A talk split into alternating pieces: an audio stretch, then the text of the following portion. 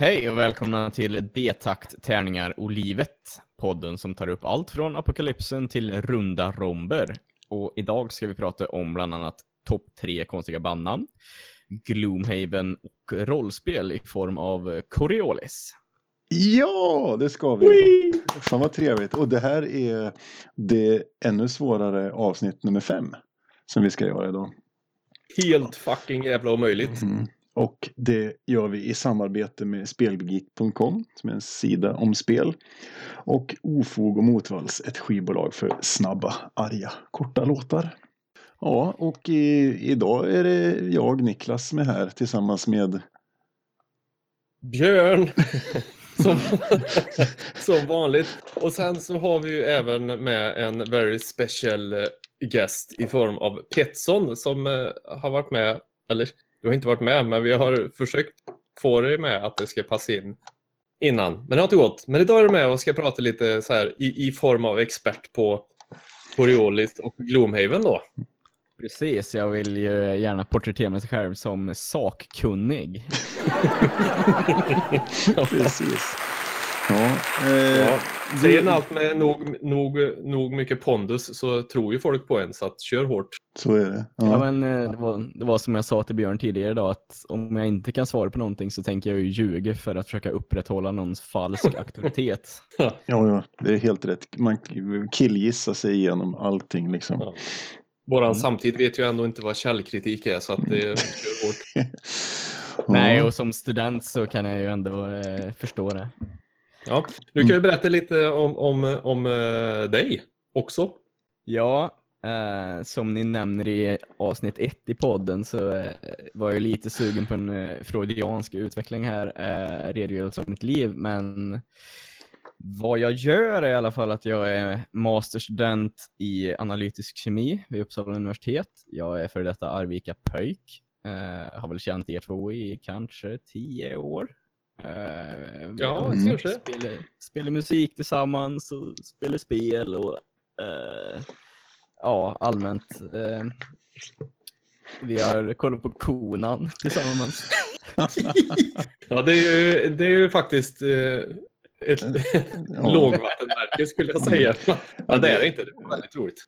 Mycket trevlig tillställning i, i din källare, Björn, när du bodde här i Arvika. Och vi hade sagt att vi skulle komma med utklädda.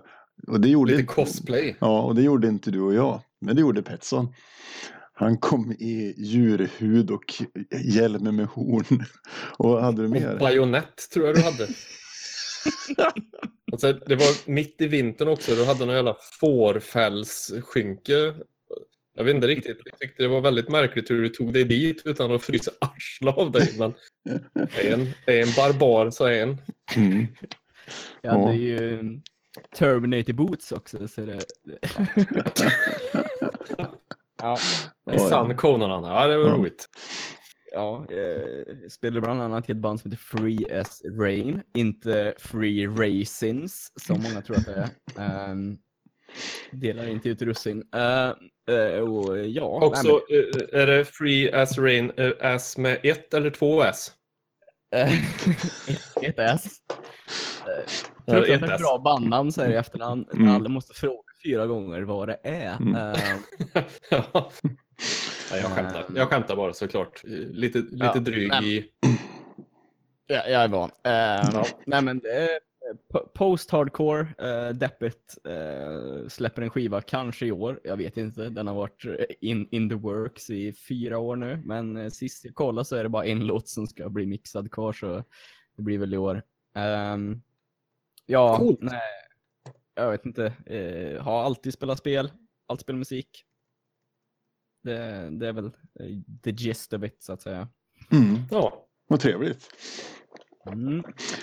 Very Idag när jag eh, sa till eh, en kompis att jag skulle vara med i, i, i en podcast så sa han, ah, vad är det för något? Jag bara, ah, men det tack, tärningar och livet. Och då sa han, vadå, handlar det om Yatzy eller är det raggare som har tärningar på backspegeln? Vad fan? Han hade rätt. Han handlar om allt. Alla rätt. Alla jag, rätt. Jag sa att det, det, är en blandning av båda skulle jag säga. Mm. Bra där. Korrekt där, produktbeskrivning. Korrekt produkt. Det fick du verkligen. Han kommer ju att lyssna på den här podden sen kände jag. Vi brukar ju inleda med att ta en sån här, vad har vi gjort sen sist? Så jag tänkte kolla med dig Björn, vad har du gjort sen sist? Jag har fortfarande spelat Suro. Eh, Jag har gjort sen sist, för det gör vi mycket på jobbet. Mm. Eh, Och i fredags så spelade vi rollspel.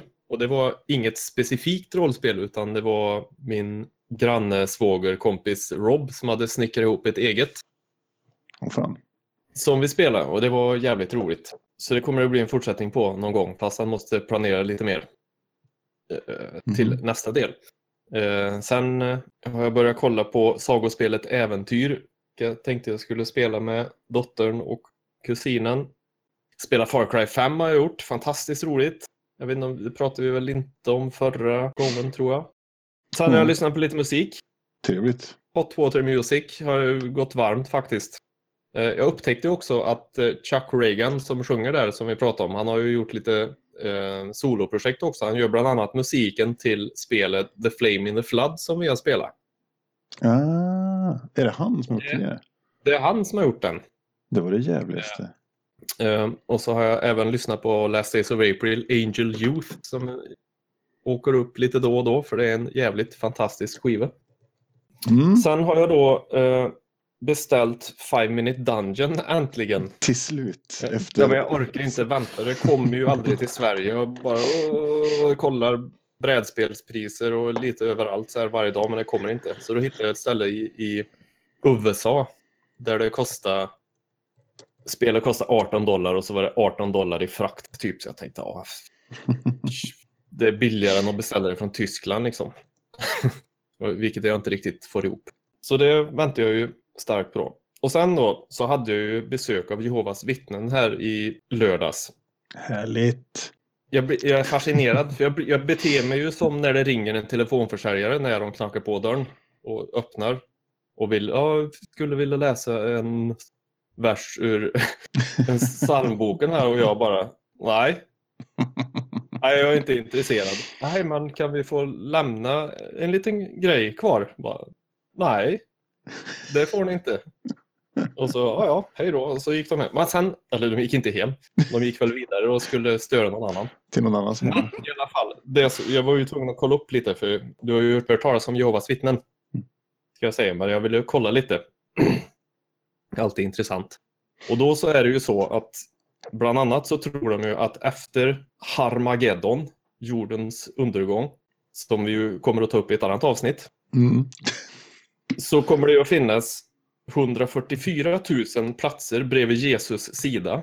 Och det är då de, Jesus är allsmäktig kung och härskare och så får man styra över vad som nu är kvar av jorden med honom. Det låter ju jävligt spännande, bara söndersprängd liten stenklump. Oavsett, 144 000 platser. Så kollar man hur många Jehovas vittnen medlemmar finns det? 8,5 miljoner.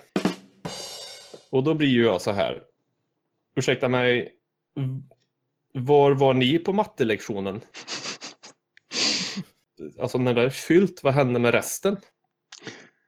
Ja, det är ju, man kan ju fundera över det. Det är kanske är det du skulle fråga dem egentligen. Ja, men det kommer ju på efteråt. Ja, och Och så det, även, och, så även och, och om det nu är så här att det finns, och så är det ju också intressant, var kommer det här exakt 144 000 ifrån? ja, Eh, jag får fråga. Men det, om det nu, ja, när de kommer nästa gång ska jag fråga det här, men då blir det också så här.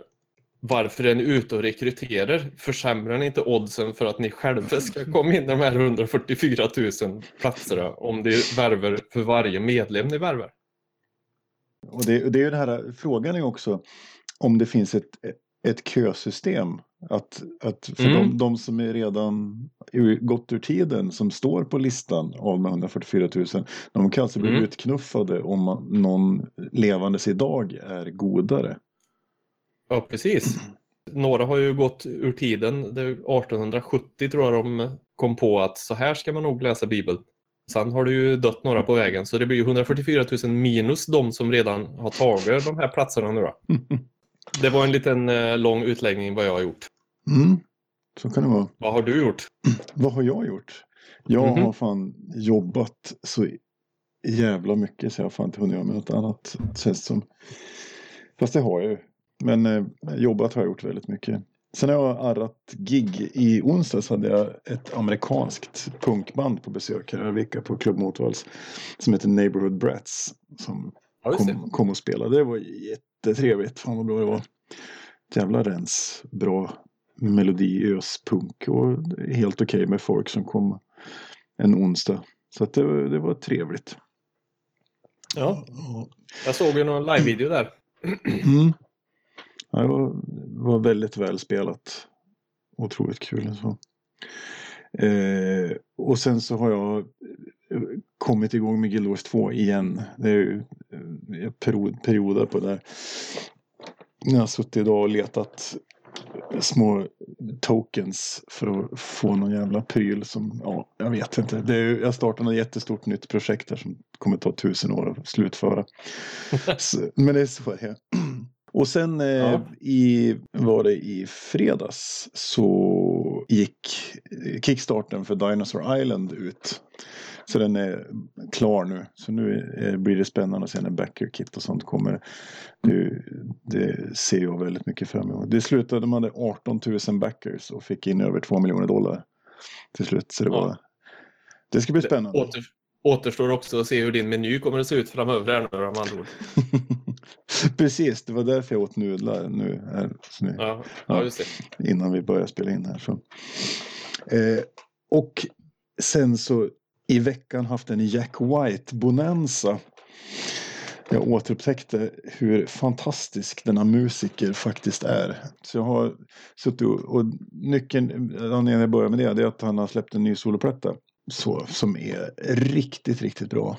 Den är, ja, det är något speciellt där. Den heter Boarding House Reach, nya, hans nya platta. Och det fick till följd att jag var tvungen att sätta mig och lyssna på allt som han har gjort. Så jag har plöjt igenom hela White Stripes diskografin.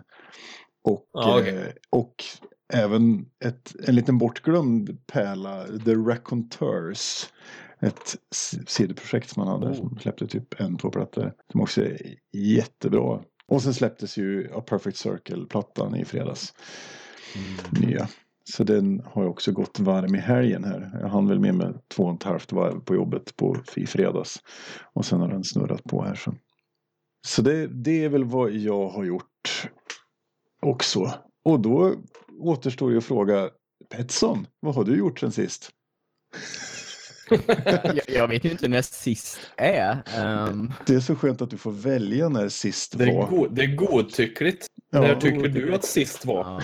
ja. Nej men då har jag nog antagligen pluggat väldigt mycket. Det är ju lite det mitt liv går ut på. Ehm, jag har analyserat dokument och fingeravtryck. Jag har... Som, som, som studie eller bara för att du tyckte det var roligt?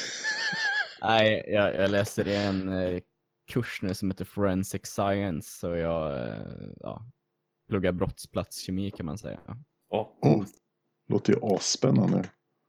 Ja, så jag hade en intervju idag med en insatsledare på räddningstjänsten om eh, arbetet efter en släckning om man eh, misstänker brott kan man säga. Åh fan. Har du gjort mer? Jag är ett väldigt stort fan av Studio Ghibli, eh, Ghibli Mm. hur man nu uttalar det, och de eh, släppte ju en In och Kunnig 2 nu för två veckor Oh. sedan.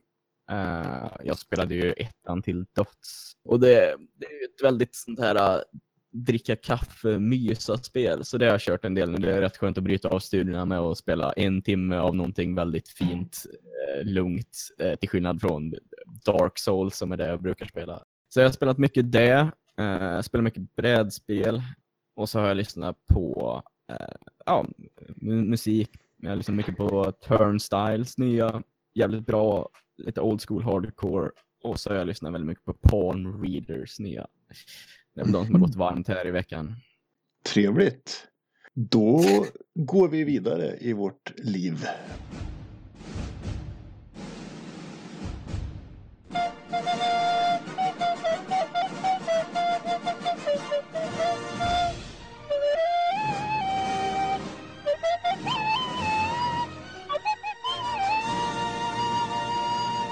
Jo, Petson, du är med för att... Eh...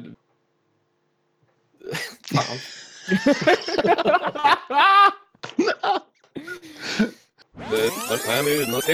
Oj!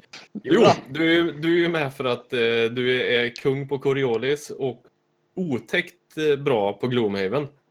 Eh, så vi tänkte att du skulle få berätta lite om de spelarna här för oss som är, vi som inte vet så mycket om det. Nej, jag skulle inte säga att jag är någon expert på något sätt överhuvudtaget, men jag har lirat båda två ganska mycket. Uh, så det, det var väl så lite ni frågade om jag ville vara med. Jag bara, visst, jag uh, har väl ingen affiliation, men jag kan ju berätta om mina erfarenheter om det. Exakt. Coriolis är, de beskriver sig själv, de, utgivarna som är Fria Ligan beskriver det lite som eh, Tusen och en natt fast i rymden. Det är ett eh, sci-fi rollspel, men det är inte liksom Star Wars, Star Trek sci-fi, utan det är fokus ligger på människor i rymden. Det finns liv ute i rymden, men det finns inget, det finns liksom inte en annan intelligent ras som åker omkring med rymdskepp, utan det, det är lite mer Battlestar Galactica-feelingen, liksom. Det är fokus på människor. Okay. Så det, det, finns alltså inga andra raser än, än men, alltså man, man har, stöter på typ djur eller livsformer men det finns ingen som, som är en, en intelligent livsform så att säga. Det finns ett par, det kallas för semi-intelligenta livsformer i, i själva regelboken och det de förstår Eh, liksom, eh, de har tränat de här till att till exempel eh, tänka lite som slavar, att de jobbar lite i fälten på en planet med att plocka frukt. De är tillräckligt intelligenta för att förstå vissa saker, men de har inte ett jättestort eh, vokabulär kommunikation och de har liksom inga fordon eller eh, sådär, utan semi-intelligenser kallas de. Det finns alltså Sverigedemokrater i framtiden, tycker jag. Ja, jag, jag, jag har också suttit och letat efter den kopplingen. Nej, men så det, det är själva premissen i spelet. Fokus i spelet är på en, som sagt, Tusen och en natt, en väldigt orientalisk stil. Så det är väldigt mycket basarer och det är mycket utsmyckning på rymdskeppen. Att, eh, tänker lite Firefly när hon, eh, vad heter hon nu, eh, hon som är eh, nu höll jag på att säga hora, vad fan heter det? Ja, hon är väl Glädjeflicka. Kortisan eller vad man kan säga. Ja, precis. Hon som är kurtisan mm. i Firefly. Att det är väldigt mycket gardiner och stora kuddar och det är mycket rökelser. Alltså, det är den feelingen man har på det. Så det blir en väldigt speciell känsla och det funkar väldigt bra. Man tror inte att det gör det, men när vi har lirat så vi har gjort det lite till en grej att vi har käkat typ baklava till och man kanske tänder någon rökelse och har dadlar och så sitter man liksom och ja, det, det blir en jävligt häftig feeling liksom. Det är mm. lite, tänker Mass Effect möter Dead Space möter Firefly möter liksom. uh, ja. Macken. Nej. inte. Ja. Nej, men jag har ju varit, jag kollar lite på det här spelet också och när jag kollar regelboken och så här så ser det ju så grymt snyggt ut. Alla illustrationer och sådär eh, ser riktigt bra ut. Hur är det regelmässigt? Är det tungt regelmässigt eller är det... Ja, det, det här är ju ett spel för dig Björn. Uh, för att det är väldigt regellätt. Uh, Semi-intelligent Björn, ja. Uh, nej men uh, som du har nämnt tidigare i podden att när, om du spelar rollspel så vill du gärna att spelet ska vara narrativt, att det ska vara mm. fokus på det berättande och det är det Coriolis gör som bäst. Jag är den okay. som är spelledare när vi kör. Jag har spelet väldigt lite innan. Eh, jag började spela rollspel när jag gick på typ högstadiet. Sen har jag inte lirat tills förra året när vi började spela Drakar och Demoner. För det finns en grundregel i Coriolis som är liksom eh, the foundation och det är att du, det finns bara T6er och slår du en sexa då har du klarat det du försöker göra. Och allting som din gubbe gör då, om du är en soldat, då kanske det som händer då, om du vill skjuta någon, är att du får slå mer sexer, T6er än en person som ähm, är, predikant eller någonting. Att dina skills gör att du får slå fler tärningar så att det är större chans att du slår ja, en sexa. Det. Istället för att ha ett värde så har du fler eller färre tärningar bara. Var det inte där de eh, som de introducerar i MUTANT under, inte undergångens arvtagare, men År Year Zero. Precis. Det var väl För, det systemet. Ja, precis. Fria, Fria Ligan har ju kopplingar till järnringen eh, som mm. gav ut MUTANT och eh, undergångens arvtagare och sen så gav fria ligan ut eh, MUTANT år 0. Och jag vet inte vilket som var först, för den version av Coriolis jag spelar är second edition, som är någon slags crowdfunded variant av det. Men det är Okej. samma regelsystem i de båda och eh, jag tycker att det är skithärligt som spelledare och, och köra det för att det enda man behöver ha koll på, till exempel att säga att en person vill testa att slå in en dörr och så, så eh, ja men eh, jag får slå så här många tärningar för att jag har eh, färdigt en styrkeprov. Jag får slå fem tärningar och då bestämmer jag i huvudet, okej, det här är ett svårt slag. Ja, du får slå två mindre tärningar. Det, är- det är liksom så Ja, enkelt det. att man, man bara lägger till eller tar bort så att om någon försöker manipulera någon så, ja men det här är lätt, den personen är asfull, eh, slå två tärningar till. Eh, så det, det är väldigt lätt att liksom on the fly göra justeringar. Eh, just för att man behöver inte tänka på, ah, okej du, slår en, eh, oh, du slår en D20 nu och ditt värde är det och, och sen ska du slå en annan tärning för själva skadan. Ah, men det, det Och låter- motljus och nedförsbacke och ja. Ja, det, det låter som att de har plockat en del inspiration från eh, Storyteller-universum. Alltså Vampire, Werewolf, Changeling, Mage. Eh, som jag Mm. spelade mycket på 90-talet. Där, där- jobbar man med successes istället. Då, att man har, man har en näve T, T10 och så slår man, har man, ja du ska ha tre successes och då ska du få tre, minst tre tärningar över ett visst värde och sådär. Just Mm. för att det ska finnas någon form av skill check men fokus ham, det blir inte så, så här, Drakar och Demoner kan bli så väldigt mycket tärningsrullande och, och detalj små, små siffror hela tiden på något vis. Att det blir räkna, Mm. räkna, räkna. Medan Storyteller-spelen var ju så mycket mer live-teater i vardagsrummet och så rullar man någon tärning ibland för att få lite liksom ja, för att få styrning. Men det, det låter som att det, det är lite åt det hållet också.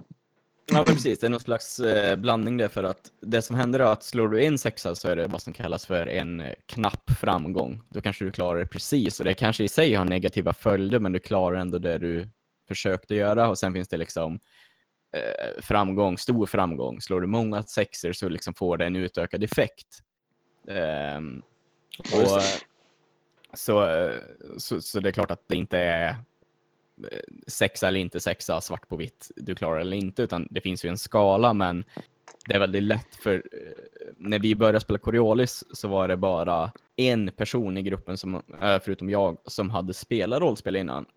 Men alla efter första gamet kunde förstå grundreglerna i spelet. Eh, och alla liksom kunde ändå vara med. Och visst, combaten är ju ändå väldigt tärningsbaserad, men det är ju fortfarande att alla förstår vad det är som händer. Medans kanske när vi har spelat eh, något mer regeltungt som E.ON eller Drakar och Demoner, att det blir ja men du ska slå den här tärningen. Ja, varför det? Ja men för den här anledningen. Och sen måste du slå den tärningen för det är din eh, fysmod och sen måste du, ja och så vidare och så vidare. Mm. Nu är det ändå att alla, alla förstår vad som händer och alla kan hjälpa varandra. Jag gillar verkligen regelsystemet för som sagt att det är fokus på det berättande och det är det Coriolis gör väldigt bra för det är, en väldigt, det är ett väldigt spännande universum att spela i. Det är som sagt en liten originell take på det med Aladdin äh, möter Mass Effect. Eh, Jag tror det är ganska många som har tagit över det här D6-systemet från eh, år 0. Just det här med D6. Jag har ju, håller ju på och förbereder ett äventyr nu till Action Reloaded.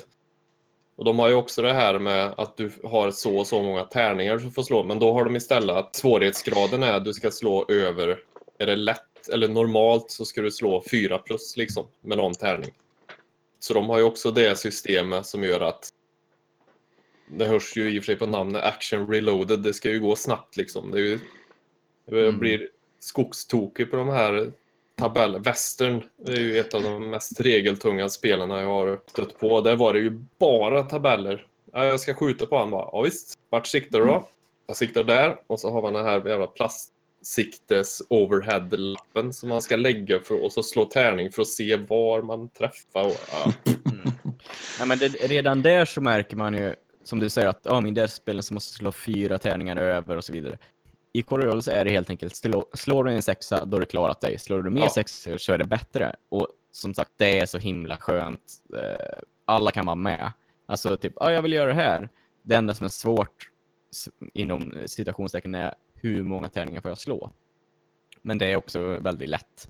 eh, Ja, men förhand, Eh, förhandlar man som spelare med spelledaren också? Att spelaren säger så ja men det, det är nog tre tärningar där och så säger spelaren så ja fast jag, jag skulle nog vilja slå en tärning till på grund av det här. Eller är det ett sånt flöde Det också? kan, det kan vara, men till exempel eh, oftast är det så här att eh, du får slå, eh, varje färdighet har en grundegenskap. Det finns fyra grundegenskaper. Så säg att du vill skjuta någon, då har du kanske skillen skjutvapen och sen har du grundegenskapen skärpa tror jag det är. Då får du slå så många tärningar som du har i din färdighet och så många som du har i grundegenskapen. Så det kanske är 3 plus 4, då får du slå sju tärningar. Mm. Men säg, säg att eh, för under combat då har du tre, jag vill säga action points, eh, tre poäng att eh, fördela över din runda och det kan vara till exempel att en poäng kostar det att ta skydd, en poäng kostar det att göra så här.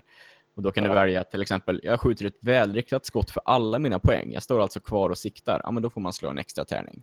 Mm, Men det kan okej. också vara till exempel att ja, men vi försöker övertala den här personen här och vi är fler än vad han är och eh, vi har också en person med som har en färdighet som heter hotfull så vi tycker att det här borde vara ganska lätt. Ja men okej, då får ni då får eh, det finns också motståndslag så då slår de ett antal tärningar och så slår personen de slår mot ett antal tärningar och den som slår mest. Ja.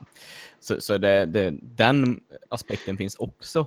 Och den finns framförallt när man ska dela ut färdighetspoäng efter ett äventyr.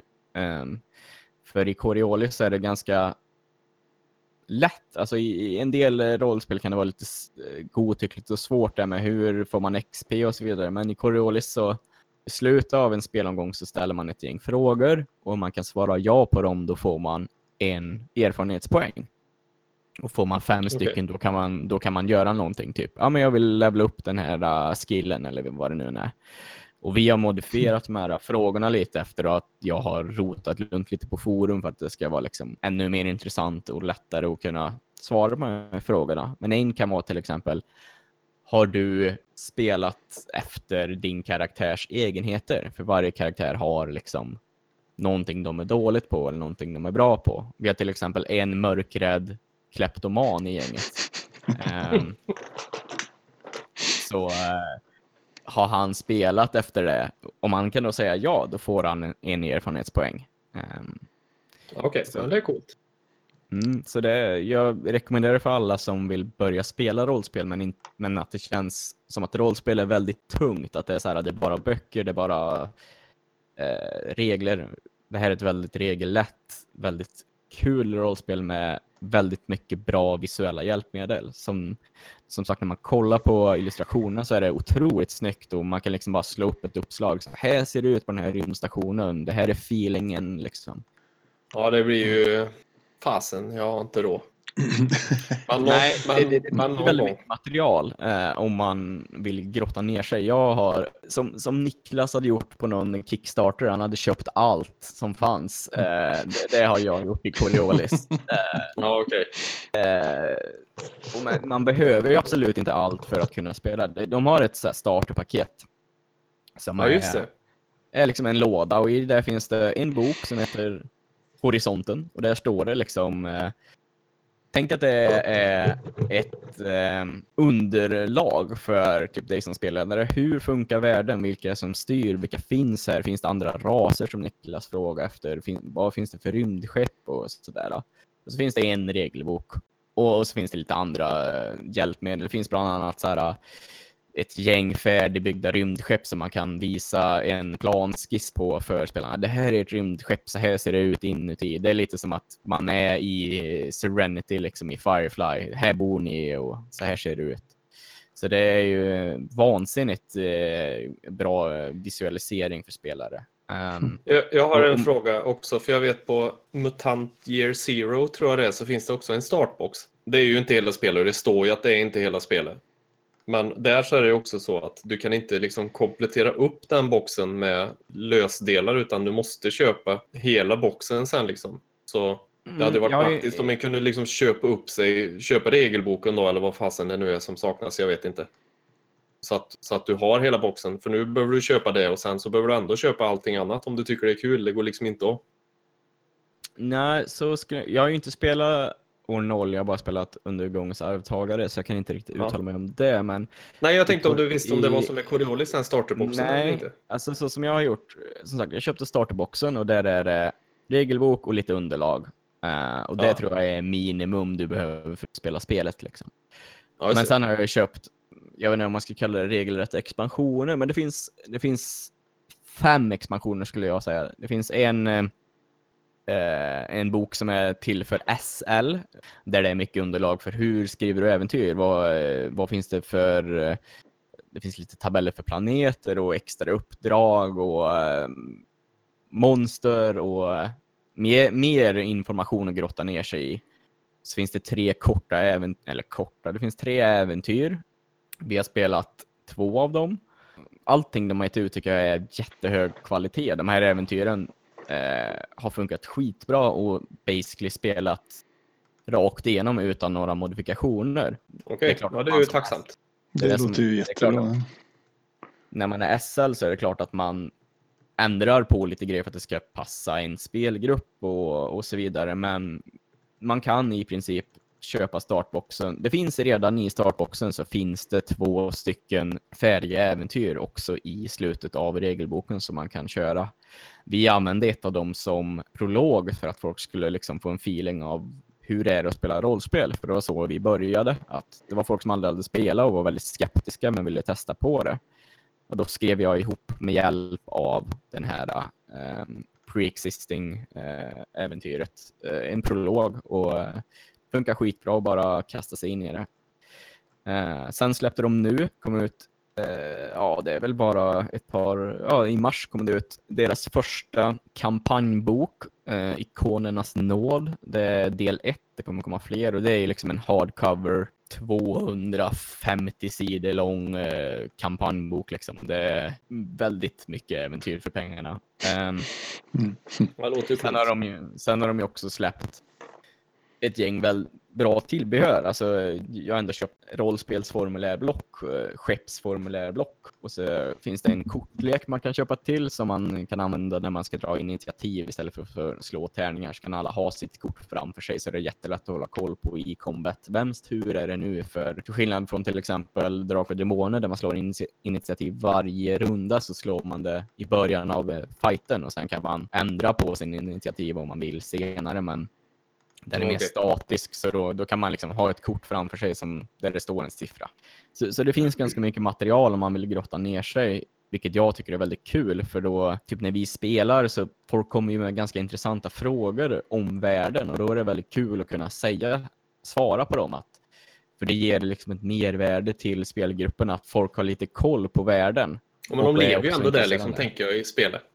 Ja, men precis. Och De det märks liksom, ju, ju mer vi spelar så försöker ju folk faktiskt att rollspela. I början var det ju väldigt mycket table gaming och uh, metagaming. Att metagaming är en term där man säger att din, du spelar din karaktär eh, med information som du som person vet, men som din karaktär inte borde veta.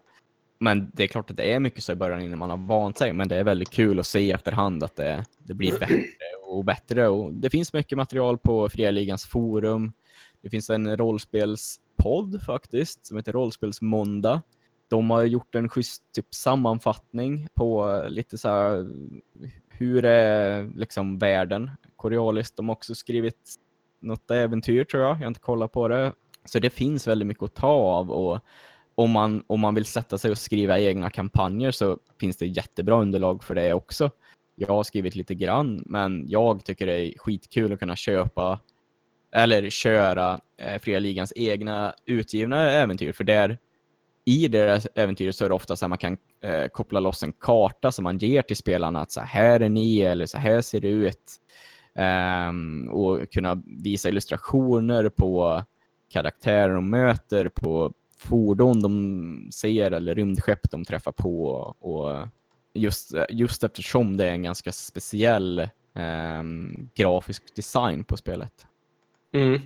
Jag tänkte på det du sa innan, där, att det var lite knaggligt i början med. Det är det jag tänker mycket att folk tycker det är töntigt eller svårt att spela rollspel för de tänker att de, de måste vara som någon slags teaterapa eller så Mm. liksom. Man måste, att det känns, ja men förstår ni jag tänker? Att folk bara, nej, håller på med det där, nej. Mm. Och, Men jag skulle säga att det har fått lite av en rollspelsrenässans senaste åren. Jag vet inte vart den kommer ifrån. Om det är Dan Harmon, skapade skapare av Rick and Morty, som har liksom på något sätt eh, att folk har fått nys om det via hans eh, andra show som heter Harmon Quest, som är en slags avknoppning från hans podcast Harmontown. Men jag, helt plötsligt känner jag massa människor som spelar rollspel och det har jag aldrig gjort. Vi var ju de här nördiga grabbarna i högstadiet som spelar rollspel och det vill man ju inte prata om. Och nu är vi, i vår grupp är vi nio stycken. Eh, Jävlar.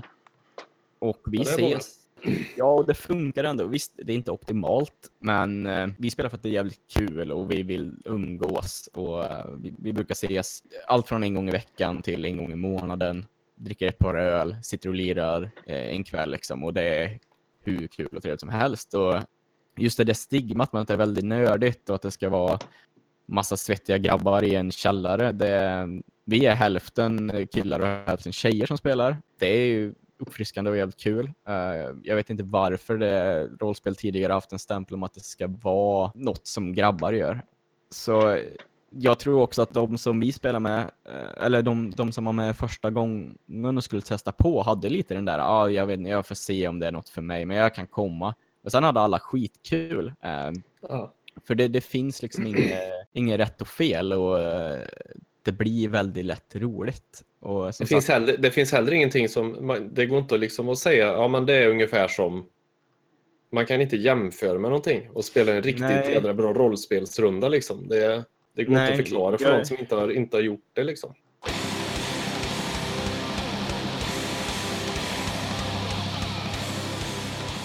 Shoutout till Shadowrun är ju ett annat väldigt kul sci-fi rollspel. Um, och uh, Svenska Drakar och Demoner, uh, de gjorde ju en rerun på uh, deras första utgåva nu förra året.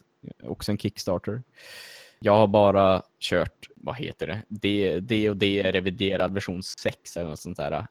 Det var det som kom innan Trudvang. Fantastiskt bra, men går inte att få tag på eh, böcker eller äventyr längre någonstans. Så.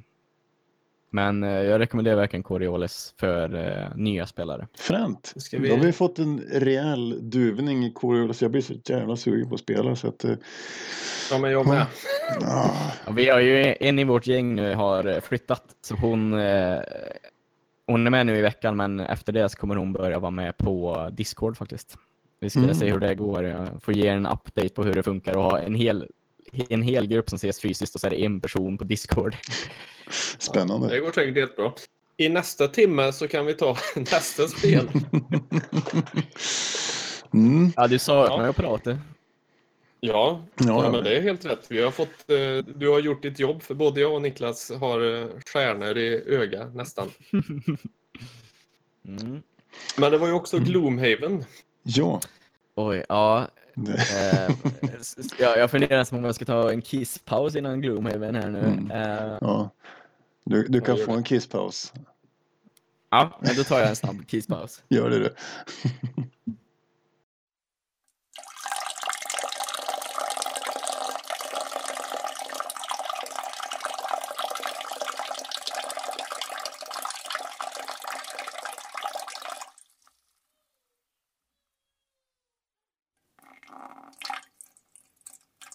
Yes, det var en lång fin utläggning om Coriolis så vi känner ett stort sug att spela här så det får vi ta och göra framöver. Och eh, sen ska du hjälpa oss att bli ännu mer sugna på ett annat spel. Eller ja, det här spelet jag är så jävla sugen på ändå. Så att, men, Mm. men det liksom någonstans får det fan vara nog också med, köp, med så inköp av spel. Jag har ju, ja, jag, jag har inte vågat räkna efter hur många Kickstarter-spel som är på väg liksom. Sådär, så att eh, just, ja, så Nej, får se. Men, jag men ha lilla julafton. Ja, jo, men det blir det. Det dyker upp med jämna mellanrum spel i brevlådan så att säga. Eh, men, och det här är ju ett, en gigantisk Kickstarter-succé. som du ska prata om är också Gloomhaven. Ja, alltså utgivningsdatumet för Gloomhaven är lite luddigt. Jag har second printing-versionen som eh, skulle komma förra sommaren. Sen skulle den komma hösten. Sen var det garanterat att den skulle komma innan jul. Och sen skulle den komma i början av året, alltså 2017. Eller nu 2018. Eh, jag hade dock inte backat det på Kickstarter för jag upptäckte det efter att Kickstarten eh, hade gått ner. Så jag ställde mig i kö, både på webbhallen och på en lokal spelbutik här i Uppsala som heter Fantasia. Och eh, eh de hade väl eh, underskattat lite hur många som ville ha det här spelet, så de tryckte ju typ 40 000 för få exemplar i Europa. Eh, lite taget ur luften, men det var väldigt, väldigt många. Så jag vet att i webbhallen var det 600 personer framför mig i kön som Jävlar. ville ha och, och, det fanns inga. Och då när jag frågade hur många får ni in då? Ja, kanske 10. eh, men av någon anledning fick alla typ butiker fick ungefär lika många spel, så Fantasia fick också 10. Så jag stod på den kön och de sa, tyvärr så eh, kommer du nog inte kunna få något för det är ganska många före kön. Jag bara, okej, okay, men det är ju bättre att stå i kön och och så ringde den då när jag satt vid datorn och bara, ah, personen som skulle hämta ut sitt Fantasia kom inte. Eller personen som skulle hämta ut sitt Gloomhaven kom inte och du är nästa i kön, vill du ha det? Eh, så jag har lyckats få tag på det där lite av en slump. För det går inte att få tag på just nu. Det kommer väl kanske gå att få tag på i nästa år. Mm. Eller i höst ska det väl komma förhoppningsvis en, en, en drös till. Sen kan så... man ju rekommendera, det, alltså, det finns ju sådana köp och säljgrupper på till exempel Facebook och så. Och där dyker det upp Gloomhavens med jämna mellanrum faktiskt. Också. Mm. Så, det, så det går ju att få tag på. Så. Och det är ju det som är problemet för mig då, att det går att få tag på. Det vore bättre om det inte gick att få tag på för då kunde jag ju låta bli att köpa det.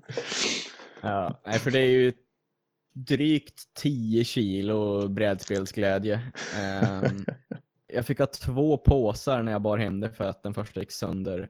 Nej, det jag vet inte riktigt hur man ska beskriva det. det Gör ett försök, det, det är därför vi har ringt efter dig. ja, okay. det, det är som att spela ett rollspel utan spelledare. Du spelar mot ett spel som har en... Eh, de har liksom... Eh, de har ju gjort en kod, liksom en programmerat spelet fast fysiskt. Eh, väldigt smart och designen är, är väldigt... Eh, okay, jag, jag ska inte säga att det är ett lätt spel, det är extremt komplext. Jag har ju knappt fattat allt hittills och vi har ändå spelat kanske 30 timmar. Men det är ett, ett rollspel som man, eh, eh, man kan spela det liksom bara köra ett eh, scenario så att säga, men eh, det vi gör och det jag tror de flesta gör att man spelar en kampanj. Man börjar helt enkelt i början av själva spelet och så följer man en historia och beroende på dina val och vad som händer så kommer en del av liksom, äventyrsboken kommer bli låst för dig och andra kommer öppna sig. Eh, för det är ett, det legacy, det är ett legacy-spel. Nu sa du att det var ett rollspel, men det är det inte va? Nej, det är som ett rollspel utan spelledare. Okej. Okay. Mm. okay. Och, det, och det är legacy, att man, alltså, det vill säga att man, man kan inte spela om det så att säga. Eller? Eh, ja och nej. Jag har eh, removable sticker set. Så jag kan bara ta bort dem när jag är klar så kan man köra om det från början. Det, det, det skulle inte vara något problem att spela om det från början ändå. Eh, men lite av det som är väldigt roligt med, med Gloomhaven är att när man kör ett uppdrag så är det ofta att man låser upp en ny plats eller någonting och då får man kolla upp på den stora världskartan. Ah, vart är det här och det här? Okej, då ska jag klistra dit den här lappen och så fick vi den här achievementen så den ska vi klistra fast här. Och det kan vara att eh, nu är styrelseskiktet i världen gick från eh, military till demonic och det kommer ha följder senare i spelet och det är väldigt så här världskartan förändrar sig utöver spelets gång och det är lite av, av charmen. Um, men som, såklart går att spela eh, om du nu har spelat ut hela kampanjen och har alla klisterlappar på plats så går det ju såklart att spela om från början i alla fall. Men mm. det är ett legacy game i grunden, absolut. Så man, eh, man, det är ett kooperativt spel. Man spelar med varandra mot själva spelet. Så jag har spelat med min sambo det här och haft några kompisar som har hoppat in. För man startar helt enkelt en grupp um, och så gör man, väljer man av ett gäng karaktärer som är upplåsta i början. Det är sex stycken när man börjar spelet. Och så väljer man en av dem och så, så uh, ger man sig ut på äventyr kan man säga. Och det är, combat är 80-90% av spelet. Eh, så basically är det att du, du reser någonstans och på vägen dit så måste du dra vad som kallas för ett road event card och då är det någonting som händer på vägen dit. Och då måste du välja mellan två alternativ om hur svarar du till den här situationen. Till exempel, ja, du hör att det är någon som skriker in från skogen. Ignorerar du och går därifrån eller går du dit? Och det får ju då såklart följder. Och alla de här, eh, det kan vara att ett sånt road event leder till att du får dra ett nytt road event och lägga in det i däcket så att det händer någonting. Säg att du hjälpte, till exempel, vi, vi hjälpte typ en cirkus som hade kört fast med, med sin vagn på vägen till ett äventyr och eh, det ledde till att vi då fick ta och blanda in ett nytt event i vår city deck för alla event är inte upplåsta i spelets början. Och följden var då att när vi började uppdraget så fick vi börja med färre ability cards som vi kommer prata om sen. Och senare i spelet när vi spelade, då drog vi just det eventcardet och då stötte vi på den här cirkusen i stan som bjöd in oss till cirkusen. Då fick vi liksom ehm, eh, massa eh, positiv buff av, av det. Eh, jag tror vi fick mer reputation eller någonting. Så allt man gör påverkar verkligen vad som händer senare i spelet och det är jävligt coolt att se att man bara shit fan, just det, det var ju de här vi stötte på där borta. Kommer du ihåg det? Typ det första som hände när vi spelade spelet var att vi blev anklagade för ett mord vi inte hade begått. Och då fick vi eh, försöka vi var fulla så fick man försöka antingen övertala vakten om att man inte hade gjort det här eller döda honom. Och vi bara, nej men vi måste ju, vara, vi måste ju försöka börja schyssta i alla fall. Och, och han trodde inte på oss för att vi hade inte med oss en viss karaktär. För oftast är de här valen kan bero på vilka karaktärer det är med eller vad har du för skills, hur mycket reputation har du, hur mycket pengar har du och så vidare. Okej, okay. vad är det för setting? Har du sagt det? Har jag missat det? Liksom? Är det... Mm, oj, jag kanske... Ja, det, det, är som sagt det är så komplext och stort så jag vet inte vart jag ska börja. Det är ett Nej jättestort fantasy-rollspel. Där det tänkt dig att eh, börjarklasserna är basically, du har en warrior, du har en eh, mage, du har en eh, priest, eh, med, eh, munk typ, eh, du har en thief okay. och så vidare. Ja. Och de här då under spelets gång går upp i levels, får nya skills, får ny equipment. Eh, ditt party kommer få achievements som leder till att själva Gloomhaven utvecklas och när Gloomhaven går upp i level då finns det mer butiker, det finns mer saker att köpa. Allt förändrar sig liksom. Det är väldigt dynamiskt liksom. Okay. Eh, det är som hur... ett MMO typ till datorn kan man säga nästan, fast ja. som brädspel. Ja, precis. Lite som att spela Baldur's Gate fast det är ett brädspel. Det, blir, det är lite sandbox-känsla också. Att man, man gör uppdrag, man väljer lite grann. Man kan cover, finns det en, en main story och så kan man göra sidequests och sånt där också. Ja och nej. Alltså, det är lite svårt för det finns ingenting som säger direkt att det här är main storyn. Men det är ju en story liksom. Uh, och beroende på vad man gör för val så kommer den storyn säga att ah, men gå till något av de här ställena och beroende på vad som händer där så får man liksom pussla ihop uh, bitarna och säga ja men okej, eh, jag tror att vi borde gå hit och stänga den här uh, portalen till helvetet. Annars tror jag det kommer hända något jävligt dåligt. Men det kan också vara att du får under ett uppdrag så kanske du öppnar en kista eller hittar någonting som säger att ja men fan, det verkar som att det är något på gång i Sulphur Mountains. Så får du liksom koordinater så kan du gå dit och kolla vad som händer. Det kan också vara att du träffa på någon. Som sagt, när du, när du reser ut för att göra ett uppdrag så måste du alltid göra vad som kallas ett road event. Och det kan vara vad som helst. Det kan vara att ja, det ligger någon här och eh, är sårad. Ge han en health potion. Eller det brinner här. Går du mot elden eller ifrån elden? Och, och, och, det där kan leda dig på långa sidospår. Eh, och eh, sidequest och så vidare jag skulle säga att ja, det finns sidequest för att det finns uppdrag som bara är ett scenario långt som inte leder någonstans. Det, det är väl lite av ett sidequest kan man säga, där du får en reward. Sen finns det mer en ongoing kampanj där det finns flera olika scenarios men som kanske är mer sammanlänkade med varandra. Mm. Okej, okay, finns det alltid liksom en, en, känsla av eh, att du rör, att din gubbe blir bättre, att, du rör, att man rör sig framåt eller mm. Har du känner du någon Absolut. gång att det känns som jag bara står och här står jag och stampar vatten, Nej, för spelet kommer med trampar vatten. Helt. Ja, okej. Spel, spelet kommer med väldigt mycket låst material som man inte får öppna helt enkelt. Utan du måste ha fulfilled, eh, uppfört vissa kriterier för att få öppna. Och en sak som är väldigt intressant i Coriolis är att varje när du, när du, Gloomhaven. Gloomhaven. Eh, när- du gör en ny karaktär så får varje karaktär ett personligt mål. Och det, Okej. vi vet inte om varandras personliga mål. För när du har klarat det, då kommer din karaktär att gå i pension. Eh, you will retire the character. Ehm, och då, då kan du helt enkelt inte spela den karaktären mer. Det finns vissa saker som förbättringar som karaktären har gjort som kommer finnas vidare till nya karaktärer av samma klass. Men gubben finns inte kvar längre. Och det där är någonting man faktiskt vill göra, för när man gör det så låser man upp andra delar av spelet. Det kan vara att man låser upp nya klasser. Vi har inte låst upp en enda klass än och vi har spelat 30 timmar eller någonting och det finns, jag tror det finns 16 eller 17 klasser. Um, det finns massa kuvert vi inte fått öppnat, det finns en bok vi inte har öppnat än. Um, det, det, det, det liksom finns alltid någonting att jobba mot och som sagt, du har ett character sheet till en character där det står ah, jag har så här mycket guld, jag har den här utrustningen, jag har så här mycket XP. Så eh, det, du går alltid, eller inte alltid, men man s- känner verkligen att man är på gång till att gå upp i level och när man går upp i level då eh, händer det ett par saker. Du får välja en ny ability som din gubbe lär sig. Det kan vara till exempel jag lär mig den här spellen eh, med min mage. Eh, eller jag kör en warrior class kanske var. Jag lär mig den här skillen som heter chain and hook. Och då kan jag skjuta på en gubbe som står en bit bort och sen dra honom till mig till exempel. Men sen får du också vad som kallas för en perk.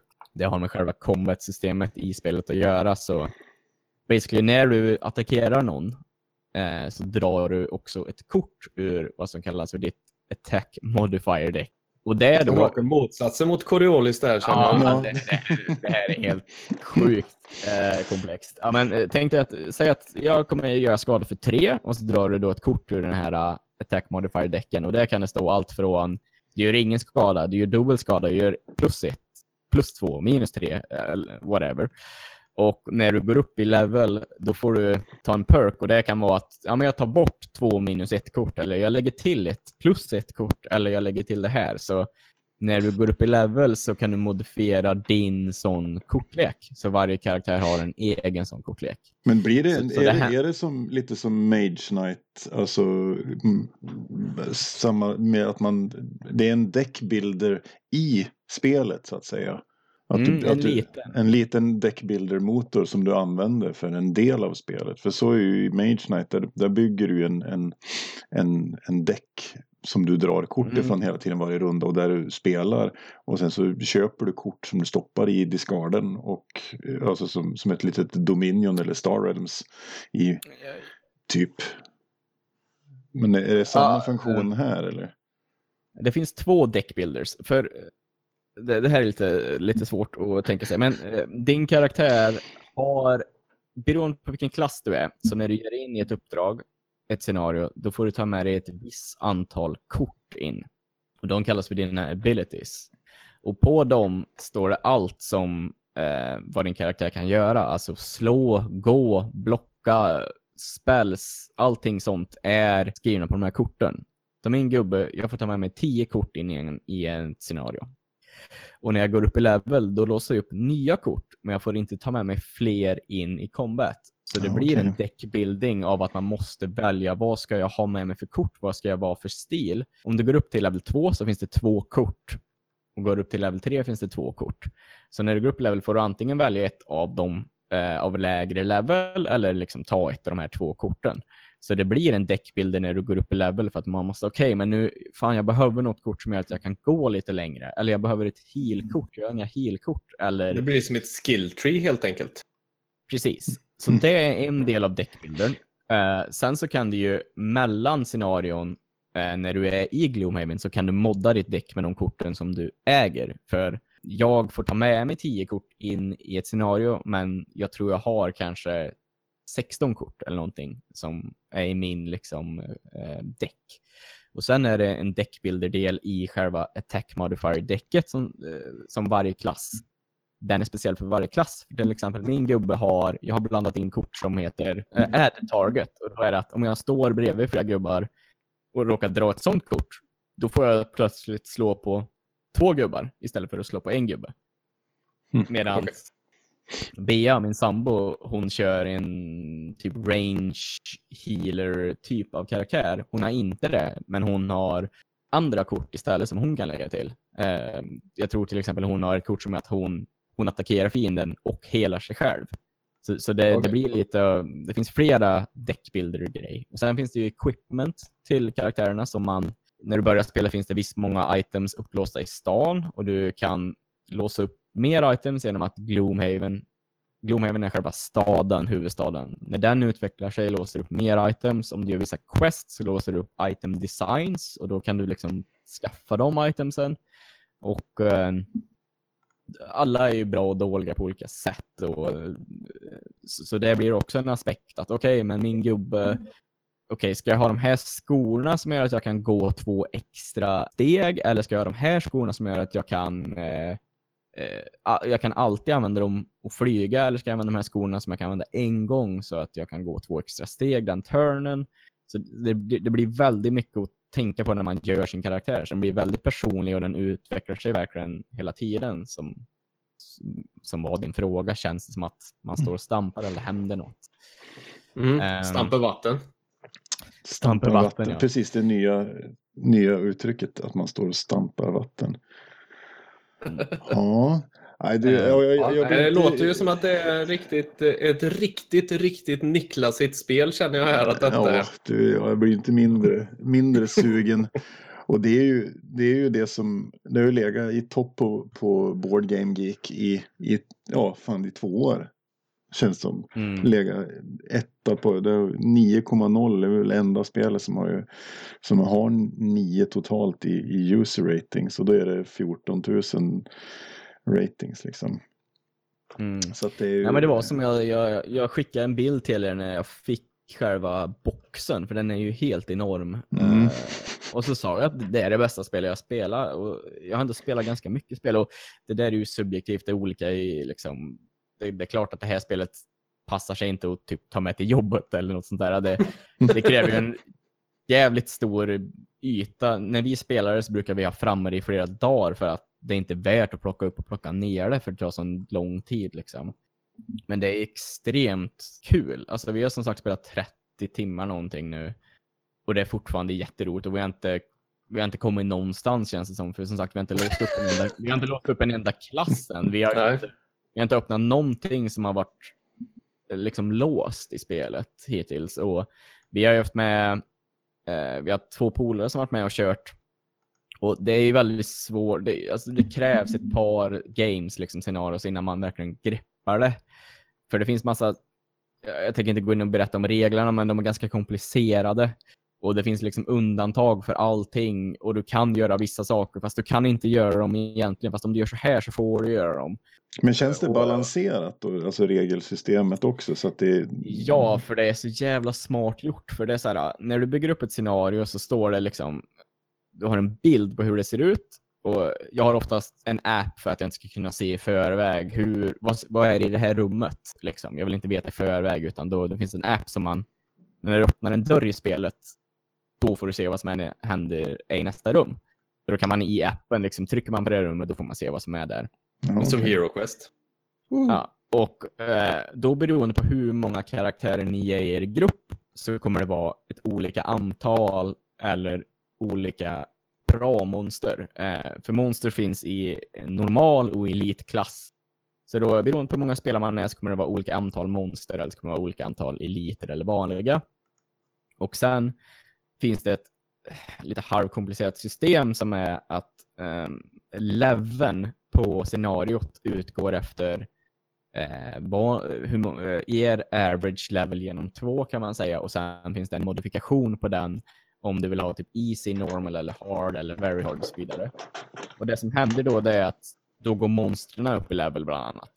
Och varje monster har ett kort som du liksom har en ett case till, typ, som man, man, man stoppar det här, en ficka typ. Man, man, man stoppar det här monsterkortet i en ficka. Och beroende på hur man har roterat kortet så är monstret antingen level 0 upp till 8.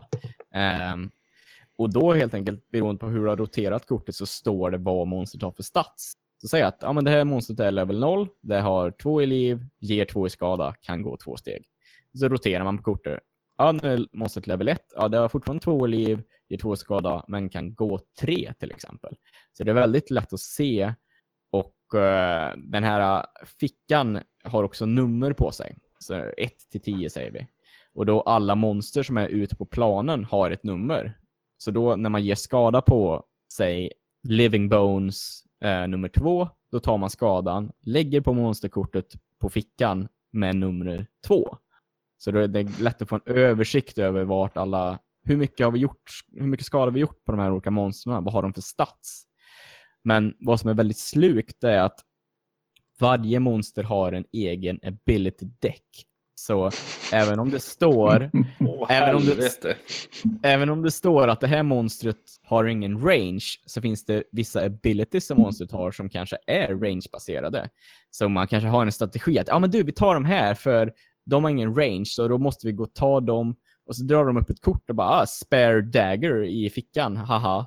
Och så, eh, ja, så det, det är väldigt mycket att ha framme. För, och så finns det ju olika, liksom, såklart finns det ju massa buffs och deaths och ah, nu det här monstret har strengthen eller det här är immobilized och så vidare. Och då finns det token som man lägger ut på allting. Och, och line of sight, så här, kan jag skjuta genom den här dörren eller inte? Och, eh, det är väldigt mycket, men det är det som gör det så roligt för du får så högt replayability och i och med att du kan modda din karaktär lite beroende på vilka kort du tar med till ett scenario. Och jag har ju börjat bli väldigt sugen på att testa en annan klass nu som vi hade med oss en kompis som hon körde Mage-klassen, eh, Spellweaver. Och, och jag varit ju direkt så här, shit den där hade varit cool att, att köra för eh, då hade man kunnat gjort de här prylarna som inte min gubbe kan. Eh, eh och nu har jag ju lärt mig min eh, ability deck ganska bra så jag kan göra ganska coola saker som jag inte fattar hur man gjorde i början. Så det, det finns ett väldigt högt återspelbars eh, värde liksom i det. Att ja, men jag kan spela det här igen fast med en annan karaktär. Eller nu har vi inte, jag tror vi, vi har väl gjort kanske 15-20 uppdrag av, jag vet inte, 100 någonting. Och det kommer ju en expansion nu i år eller nästa år också. Så det, det, det finns Gott kan inte leverera själva spelet, men nog fan kommer en expansion. Ja, nej men det är hur bra som helst. Som sagt, jag spelar med min sambo och vi eh, ja, men så här, lirar väl ett tag så lirar vi ju varje dag ett, ett game liksom på kvällen när båda kommer hem från jobb och skola och så. Men eh, ett, ett game kan ju ta någonstans mellan en och fyra timmar beroende på vad, vad man ger sig in på. Det är, det är jävligt schysst att liksom sätta upp en kväll. Ja, men vi, kör ett, vi kör ett mission gör vi. Eh, så får vi se vad som händer. Och då efter missionen bara, åh oh, shit, nu, nu har vi låst upp de här tre ställena som vi kan gå till och vi fick den här rewarden och nu fick vi mer reputation så då får vi en discount eh, i alla shops och nu kostar allting så här mycket och eh, den här achievementen gör att vi kan göra det där uppdraget som vi fick förut men vi kunde inte göra för vi behövde den här achievementen. Och så jag har ju en app som håller på koll på liksom kampanjen. Vad har vi gjort? Vad får man och får man inte? Vilka liksom uppdrag har vi låst upp och vilka av de uppdragen kan vi göra eh, och vilka är blockade och så vidare. För det är ju extremt mycket att hålla koll på. Jag är ju sugen, men inte riktigt lika sugen som eh, jag ser på Niklas att han är. Han sitter som ett, ett rådjursbarn med stora rådjursögon som Mm. tindrar i. I motljuset, ja. ja. ja jag känner det där blir ju. Men eh, jag räknar med att du kommer till Arvika i sommar och eh, har med dig det där och så vi får spela det. Precis, ja, absolut, jag kommer på tåget med... Jag har ju gått till Clas Olsson och köpt... Jag har varit där två olika gånger och köpt såna här äh, små askar för att jag skulle kunna ha koll på allting. Så jag har så här små sytrådsaskar där jag har alla monster och eh, jag får inte plats med allting i lådan så jag har tre lådor för Gloomhaven. och då är först, första lådan är helt enorm. Mm. Så eh, Ja, men det är bra. Det låter som något- Jag vill också prova, men jag känner det är ganska dyrt. Alltså start eftersom det är 10 kilo brädspelsgodis mm, så tänker jag mig att det går väl på en 14-1500 eller något va? precis, jag köpte det inklusive det där remove sticker setet. Jag Ja. tror vi betalar 1 och 4 för det, vilket är jävligt saftigt brädspel. Men så räk- tänker man att okej, vi kanske har 200 speltimmar i det här. Eh, Ja. så Det det, Jag såg något, det låg ett, låg ett ute i den här köpa och säljargruppen på Facebook för 1600, ett second printing. Bara spelet då. Så, så det, det är lite olika, det beror ju på hur svårt det kommer bli att få tag på, på spelet i sig Mm. också. Så, så att det, Mm. mm. Det Ja, blir spännande. mm. det får vi ta och ta tag i. Fan. Man kanske, Ja, ska, slu- nej, sluta, men man kanske det- ska sluta jobba. Jo, Man kan spela spel istället. Fränt, fränt, fränt. Ja, men eh, det, då tackar vi för det om Gloomhaven. Detta eh, spel som har hypats så in i bomben men verkar ju vara verkar helt enkelt vara så att det är värt det. Så att det, ja, Det lever upp till hype. det lever upp till hypen. Så, nu har vi pratat en massa spel och eh, men vi kan ju inte ha ett poddavsnitt och inte prata lite musik också, eller hur Björn? Eller kanske framförallt en topp tre-lista av något slag. Ja, definitivt. Oklart, det spelar ingen roll vad den handlar om så länge vi har en topp tre-lista. Och eh, dagens eh, topp tre-lista är eh, topp tre dåliga bandnamn. Eh, en liten fundering som dök upp här som vi kände att här går det att hitta. Eh, så vi ska väl helt, ja och som alla vet så finns det ju en uppsjö med dåliga bandnamn. Det är ju, Ja, fast, jag, fast, fast jag vill nog säga, jag har ju tagit sådana som jag tycker är otroligt eh, fyndiga och så vidare också. Så att, jag, jag förstod det här som udda bandnamn eller liksom, eh, kanske inte specifikt dåliga. Okej. nej, ja. det, det, det blir en topp tre-lista med bandnamn. Bra. Diffust. Precis. Mm. Björn, tydlig information Lindström har kört igång en topp tre här. Jajebox. Jajebox. Och, eh, bara, eh, väldigt, väldigt kort här innan vi släpper spelen. Eh, Jag måste bara ge en side-note här. Eh, jag lyssnade på ett första poddavsnitt tidigare idag ehm, och då pratade ni om eh, termen eh, ta med till jobbet-spel. Ehm, Ja, just det. Mm. och då vill, jag, då vill jag tipsa om ett väldigt enkelt spel som heter Port Real. Eh, som vi har kört en del. Eh, körde med några polare fredags och redan efter ett game förstår alla vad det går ut på. Det är ett kortbaserat, en, en liten box här som man kör. Det är väldigt eh, regellätt och eh, enkelt att ta med. Jätte, jättebra. Port. Royal sa du? Ja, det är Ja, okej. kortspel. Eh, skitkul. Och Niklas, du sa att du tyckte om tärningsspel, så då kan jag ju tipsa om Elder Sign. Eh, ni pratade lite om Eldritch Horror. Det är samma universum fast tärningsbaserat. Okej. Han har, han har snart inga mer pengar här nu. Nej, Nej. snart är jag pang. Ja, det, var, det var mina side notes. Så nu, nu är jag redo här med namnen. Nu är vi redo med namnen så. Eh, ja, vi tar väl dem i, i, i fallande ordning. Så ja, Pettersson kan få leda med sin nummer tre då. Ja, alltså jag har ju inte gjort någon research på det här som ni har gjort, utan jag fick ju reda på det här för en stund sedan och tänkte, jag tog bara på rak arm bandnamn jag kan. Och eh, min, min topp tre är kanske lite udda, men det är Megadeth. Eh, för att det är så jävla dåligt stavat.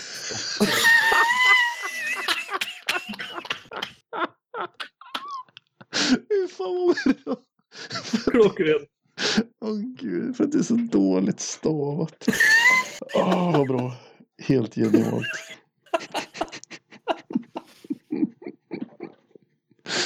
Åh, Ja, det är Jesus. bra. Åh. Oh, oj.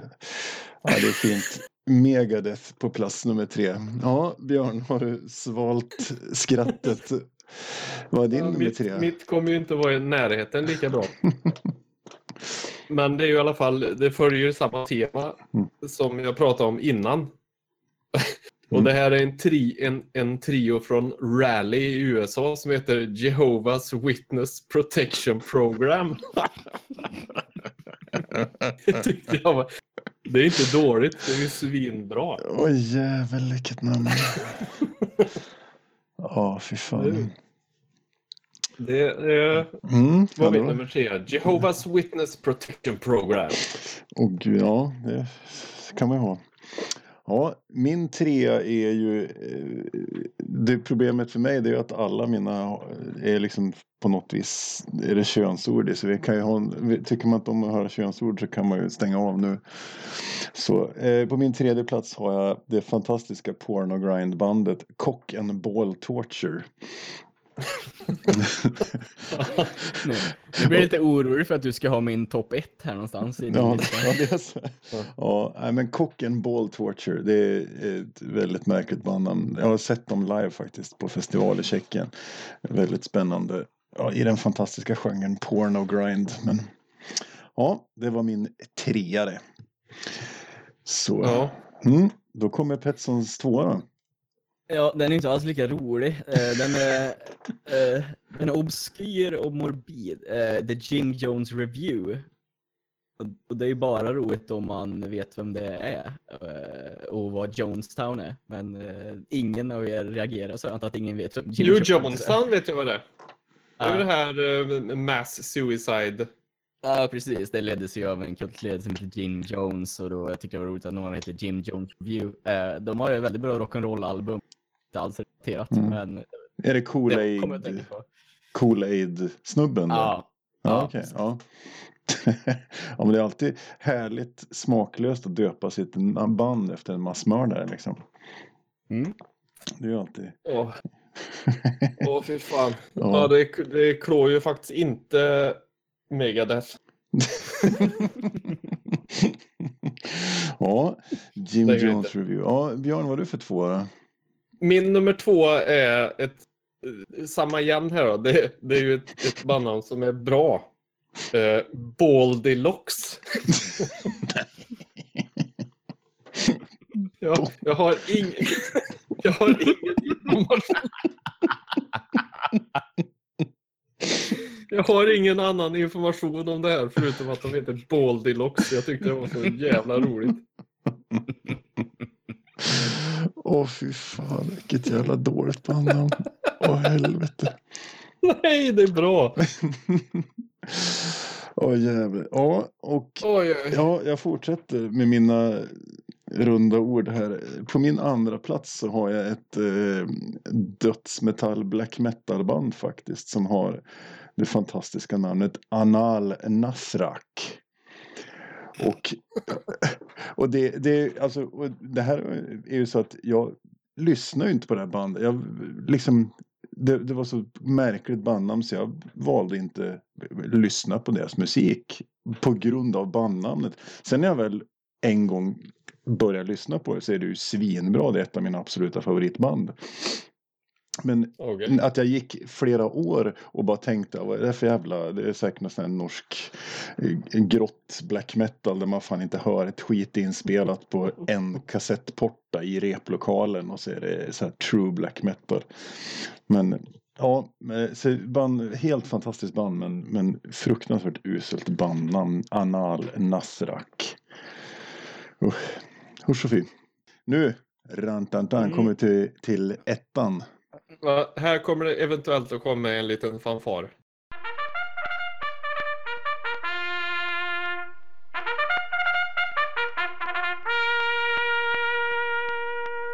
Ja, eh, det, det fick ju bli något jag visste vad det var som sagt i och med att jag gjorde någon research. Skiva jag har hemma av ett svenskt band som heter Rövsvett. Oh. Ehm, eh, skivan heter Burn the Gay Nuns. Det är väl... Eh, ja. Jag, jag behöver inte säga mer. Nej, det, det, det är bra. Det är jättebra. Ja. Ja. fast jag tror fortfarande du skulle spara Megadeth till nummer ett. Enbart på Mm. grund av grammatik. Mm.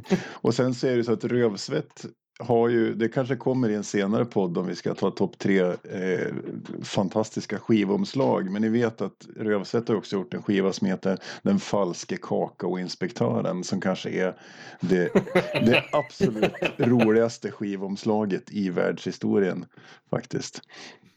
Det är en ganska bra titel också.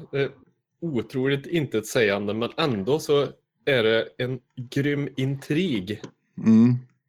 i detta. Nej, men det är kanske det bästa skivomslaget i hela Okej, och där skickar han upp en bild på detta Ja, som vi ser här. mm. eh, för er som eh, vill se hur det ser ut så kommer det finnas en länk till det här skivomslaget i vårt Ja. dokument som vi publicerar tillsammans Och här. där, där dog mitt intresse lite. Ja. Ja, ja, ja. Så, ja men trevligt. Eh, Björn, nummer ett. ja, då har jag ett som faktiskt är ett riktigt dåligt namn här till skillnad från de andra två som jag tyckte var bra. Och det är då Society for the Prevention of Cruelty to Abnormally Premature Aardvarks. Och, och anledningen till att jag tog den här är att de här människorna släppte en skiva 1967. Mm. För ett sånt här namn tänker jag, det skulle kunna komma nu när det ploppar upp band som uh, små röksvampar till höger och vänster. Det luktar lite ironiska generationen men den Ja, kom men, först på eller hur? 90-talet. Så att det... Men det var det inte. Så Society for the Prevention of Cruelty to Abnormally Premature Aardvarks. Det är min nummer ett. Det är så jävlar. jävla rötet. Ja, Åh, då är ju Baldilox mycket bättre. ja det... ja, då kommer min etta här och den här är framtagen i samråd med min sambo. Det här bandnamnet för att det här är också ett band som jag tycker är väldigt bra. Men som också har ett fruktansvärt dåligt bandnamn. Och det är det fantastiska kängpunkbandet Knullad med kniv. Ja, det, Det, det, det är ju inte, det är inte speciellt. Det, är inte, bra. det är inte bra. Liksom. Det är inte bra. Det, det är svårt och, och ja, sådär. Men det är så här, man är inte så sugen på att visa upp hela tiden. Men det, för det, är, det är ett svinbra band liksom. Så jävla bra låtar. Men, Absolut. men, eh, Svår, men bandnamnet alltså. svårsåld merch.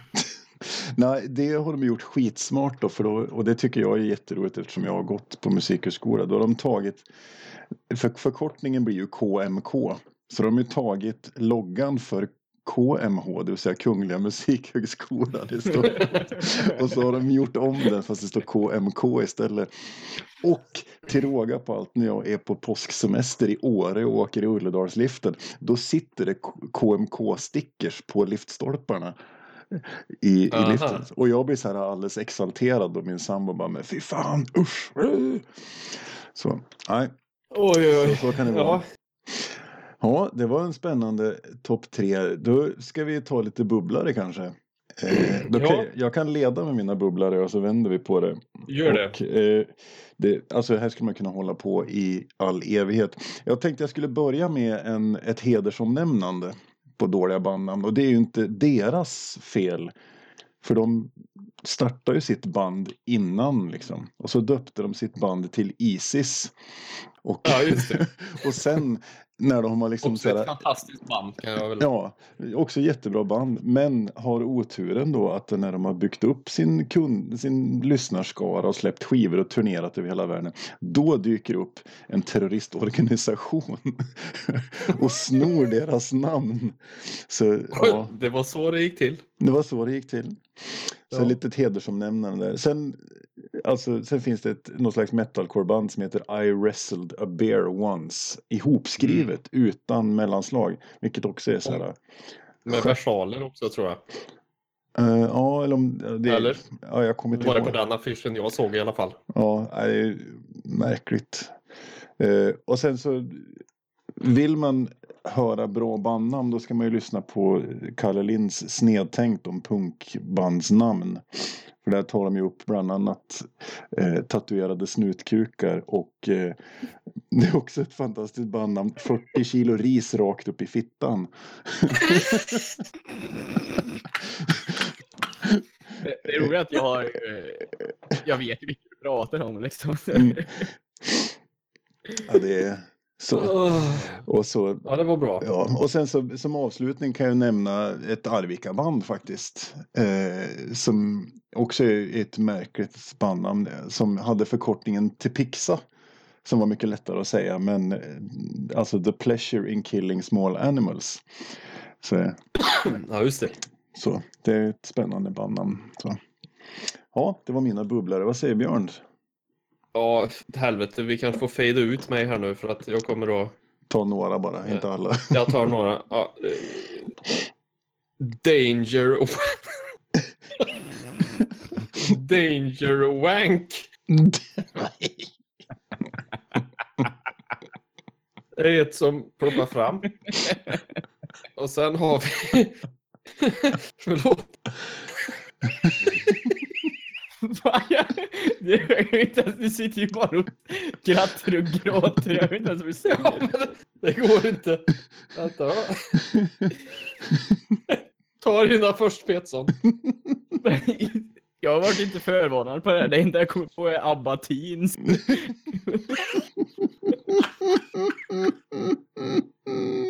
Ja, Okej, okej. Det fick mig att skärpa till mig. Åh, gud. Eh, Ah. Det finns ett band som heter Base Holes. Vilket ju är lite roligt. Och sen har du Bongos. Det går inte. Det går inte. Åh, jag tror vi får, vi får posta din lista i det här dokumentet så får folk läsa själva. Ja, Jag tror det. Als, Alzheimers.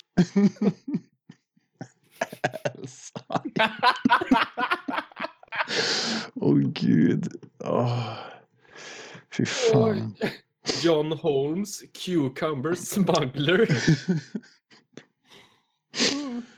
Åh. Ja. Nej, det här var roligt pojkar. Ja, fan. Ja, Amish Meth Lab. Nu kommer det. Åh. Bongo Sherbet and the Electrified Yeti Wobblers. Och sen innan jag skrattar i sönder mig. Japanska bandnamn kommer jag in på lite också. Fab as Young Mason. Väldigt, väldigt oklart. Alltså Fab, F-E, Fredrik, Erik, Bertil, Bertil. Okej. As Young Mason. Och sen så konstigt. är det lite på, s- ja, konstigt. Sen är det lite på samma tema som Petson körde med Megadeth där eh, med grammatiken. Men Forever Stay Youth heter de. Blandar, blandar om lite där i grammatiken. Ja. ja, spännande, spännande. Vi tar gärna emot publikens, lyssnarnas eh, också favoriter om ni har lust att skicka in. Jag skriv. Skriv. Det finns många, många fina bra bandnamn här. ja, ja, men med det så kanske vi ska ta och börja runda av aftonens, Ja. morgonens, ja det var det nu när ni nu lyssnar på detta avsnitt. Så eh, stort tack till Petson som ville haka på och upplysa Ja. oss. Det var trevligt. Vi Ja, gör, tack och tack. Det var bara roligt. ja, vi gör får det vi göra om. igen. Har du något du vill eh, pusha för? Någonting som du vill göra reklam för eller något du tycker vi ska göra? Eller inte bara vi utan den som lyssnar. Oj, nej. Eh, kanske kommer ett Free Strain album någon gång. Lyssna på det.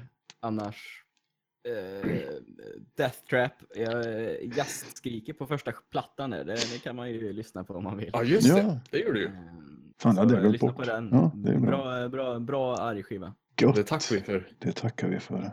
Ja. Ja. Jag vill ju plugga lite för eh, att jag tycker att folk ska lyssna på podcasten Rollspelsklubben. Om ni inte har Mm. gjort det. Komiker som spelar Drakar och Demoner. Det är ganska flamsigt men jag går och lyssnar på det på jobbet och det är fruktansvärt roligt. Senaste äventyret nu så är Magnus Bettner med bland annat. Det det är väldigt roligt. Lyssna på den, Rollspelsklubben. Det var ett bra tips det. Jag har inget bra att säga. Eh, Var snälla mot varandra, säger jag. Som ett bra tips. Det, jag det med. var väl ganska bra sagt. Ja. Eh, och med det så säger vi tack så mycket och eh, på återhörande. Ja. Gött, gött mos. Outro. Hej då. Hej då! Hej då! Hej då! Hej då!